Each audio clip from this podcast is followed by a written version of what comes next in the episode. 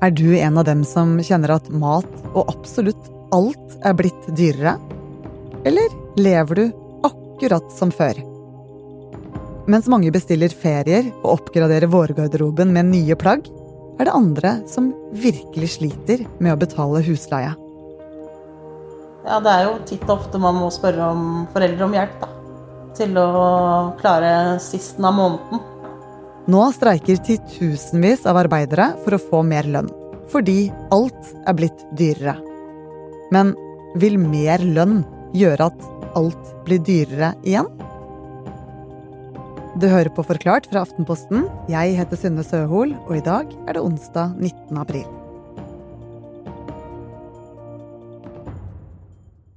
Jeg tror det at de fleste kan forstå intuitivt det at én krone betyr mer for en person med lav lønn eh, enn for en person med, med, en høy lønn. Jeg hadde lyst til å se nærmere på nøyaktig hvor mye er det det faktisk betyr. Anne Sofie Bergwall er journalist i Aftenposten, og hun møtte alenemoren Elin Kjeksrud, som har fått det enda vanskeligere det siste året. Eh, men så begynte bensinprisene Merka jeg det først, siden jeg har jo litt reisevei. Og så smalt det jo litt med strømmen. Og så tenkte jeg ah, jeg går opp litt i lønn, så det blir kjempefint. Men så blei det jo helt spist av både strøm og, og prisvekst, da. Elin er 43 år, hun har to barn og jobber som fagarbeider i barnehage. Og snart er det tomt på kontoen hennes. Da jeg møtte Elin, så hadde hun 1000 kroner igjen på konto. Eh, og det var over en uke til eh, neste lønning. Jeg var hjemme hos henne eh, og snakket med henne om hvordan hvordan prisveksten har rammet henne det siste året. Hun har i utgangspunktet ikke en veldig høy lønn, hun tjener 470 eh, 000 kroner i året. Og allerede før, eh, før alle prisene begynte å stige, så sleit hun med å få ting til å gå rundt. Eh, et år seinere så har alt bare blitt vanskeligere. Man føler jo at man ikke strekker til, da. Sjøl om man liksom gjør alt man kan enda litt til for å få det til å gå rundt så er det liksom ikke, det er liksom ikke bra nok. Og det er ikke noe særlig digg følelse av. Ja, da føler man seg kanskje litt mislykka også, liksom. Forbruksforskningsinstituttet SIFO har regnet ut hvor mye ulike folk har i forbruk. Altså hvor mye penger de bruker på f.eks. mat, klær, Netflix, forsikring og barnehage. Ikke strøm og bolig. Og det Anne Sofie har gjort, er å sammenligne tallene i 2022 med 2023. Og for en aleneforelder med to barn har utgiftene økt med 1300 kroner i måneden. Og det er bare pga. inflasjon.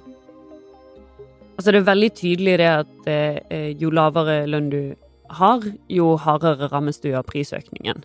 Eh, vi så det at det var en eh, kjempestor forskjell mellom bussjåfører som tjener under 500 000 kroner i året, og sykepleiere som tjener rundt 600 000 i året, og en finansanalytiker eller politiker som tjener rundt en million kroner i året.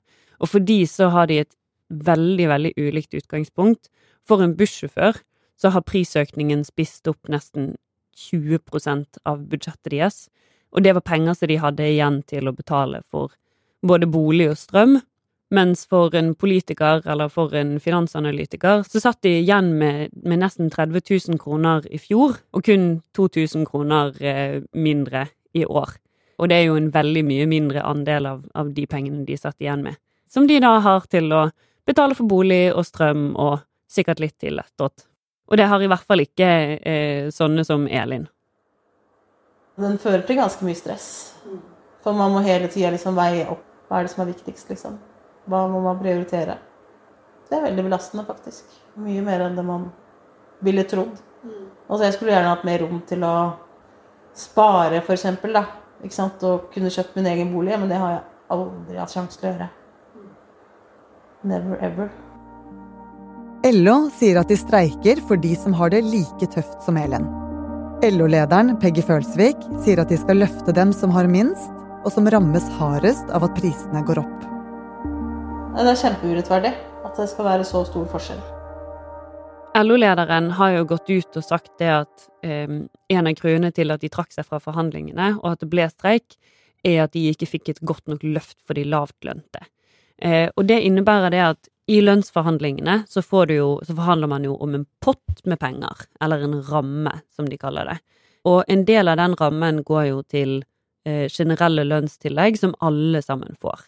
Men så finnes det også et ekstra tillegg, som er et kronetillegg, som går til da de gruppene som har lavest lønn. Og det betyr jo det at de gruppene de får en høyere lønnsutvikling som prosentvis enn det resten av oss gjør. LO gjør det fordi at de ønsker å utjevne forskjellene mellom de som tjener lite, og resten av oss. Men eh, det hadde jo vært innmari deilig å slippe å spørre mora si, en alder av 43, om eh, hun har lyst til å være på en handletur fordi jeg trenger mat, liksom. Det hadde vært helt digg. Og det er viktig for sånne som Elin, fordi prisene stiger jo mer for hun enn det de gjør for andre. Og denne forskjellen står i kjernen av streiken som pågår nå. Men løser vi hele problemet ved å gi mer i lønn? Det er langt fra sikkert.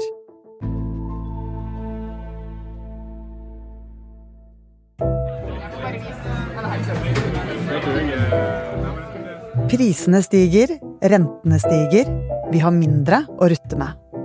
Men restaurantene er fulle. Og mange skal reise utenlands i sommer.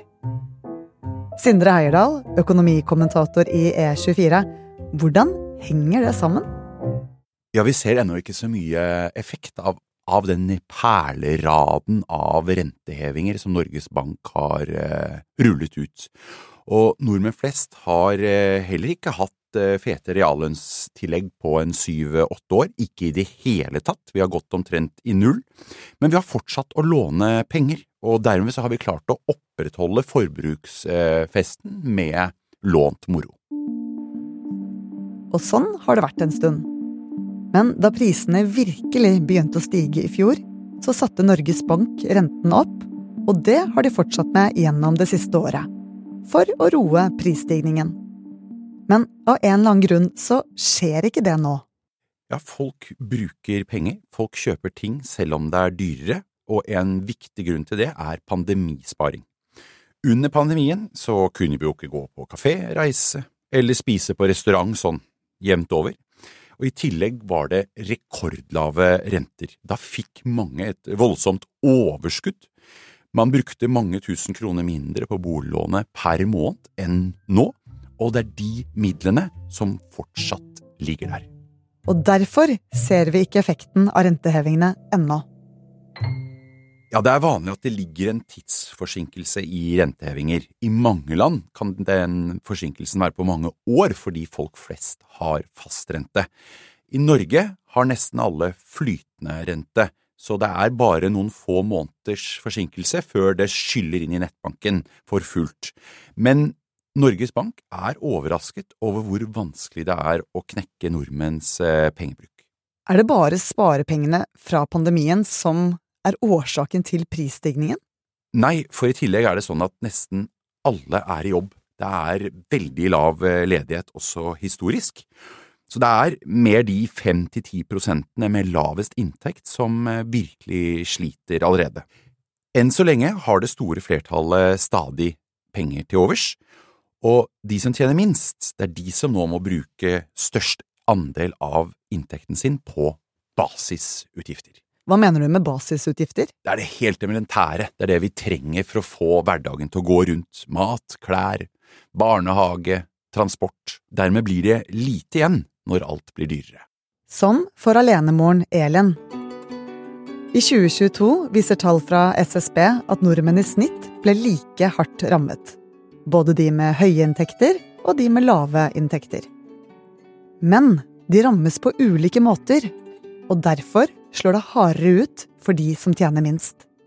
Ja, Lavinntektsgruppene ble rammet av eh, inflasjonen, den brennhete prisspiralen som vi møter eh, i butikken, eh, ved pumpene og på restauranten.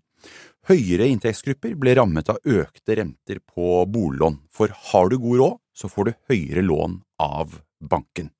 Og Dermed er det også en stor forskjell, en enorm forskjell egentlig, på en som tjener 600 eller 700 000. Du har mye mindre igjen etter å ha dekket nødvendige utgifter hvis du bare tjener 600 000, som jo egentlig er en ganske ok inntekt, og mye mer igjen, eh, sett med bankens øyne også, hvis du tjener 700 000. Og denne forskjellen er noe av det som står i kjernen av streiken som pågår. Og LO bruker forskjellene som et argument for mer lønn til dem som tjener minst i dag. Men å gi dem høyere lønn er kanskje ikke nok. For mer lønn betyr mer forbruk, som igjen gjør at inflasjonen øker enda mer. Ja, det er slik at eh, blir lønnsøkningen ordentlig fett, så må mange bedrifter igjen øke prisene på sine varer for å få det til å gå rundt. Og da har vi i gang en lønns- og prisspiral, hvor vi krever mer lønn, og prisene øker, og så krever vi mer i lønn igjen. Og da øker inflasjonen. Og fortsetter inflasjonen, kan det også ramme dem som allerede har høy inntekt. For jo høyere lønn du har, jo mer lån kan du få av banken for å fortsette å bruke penger. Og da vil lett sentralbanken måtte stå i rentehevinger enda lenger i forsøket på å kvele norsk økonomi. Som igjen fører til høyere renteutgifter for de med høye lån. Sindre, er det sånn at den eneste veien ut av denne spiralen er at vi bare slutter å bruke penger? Ja, da og gjør jo det Norges Bank ønsker. At uh, rentehevingene skal gjøre litt vondt, og at vi begynner å bruke mindre penger. Passive penger på konto er ikke i bruk. Når vi går ut, holder vi liv i restauranter, skatter og prisstigningen. Så når vil dette snu da, Sindre? Når er det sparepengene fra pandemien tar slutt? Jeg tror mange vil merke at eh, kontoen er litt tommere etter sommerferien, hvor vi da gjerne har dratt utenlands og brukt godt med penger òg, og har sett hvordan den svært svake kronen har gjort eh, feriereisen til bl.a. Italia langt dyrere. Og så kommer jo da en høstkolleksjon som også er eh, etter ny, svak kronekurs. Den vil bli langt dyrere. iPhone til høsten blir langt dyrere enn vi har vært vant til. Da kommer virkelig bakrusen etter sommeren.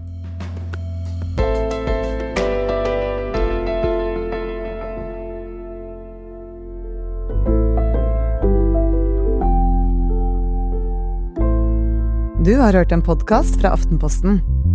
Det var Anne Sofie Bergwall som intervjuet alenemoren Elin Kjeksrød og forklarte hvordan økonomien rammer de mest sårbare.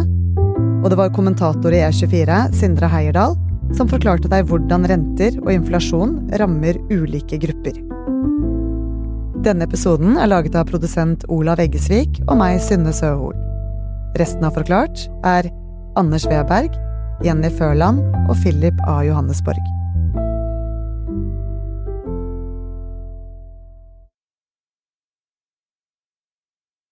Syns du det er kjedelig å scrolle nyheter i tekst? Skulle du heller ha hørt mer nyheter enn dagens kvarter med Forklart? Nå kan du det. På aftenposten.no og i appen så kan du høre en klona versjon av min stemme lese Aftenpostens artikler. Ikke sant? Sant du kan det? Jo, det stemmer. Mens du går tur, vasker huset eller kommer deg til jobb, leser jeg de nyhetene du vil høre. Avspillingsknappen finner du inne i artiklene på Aftenposten.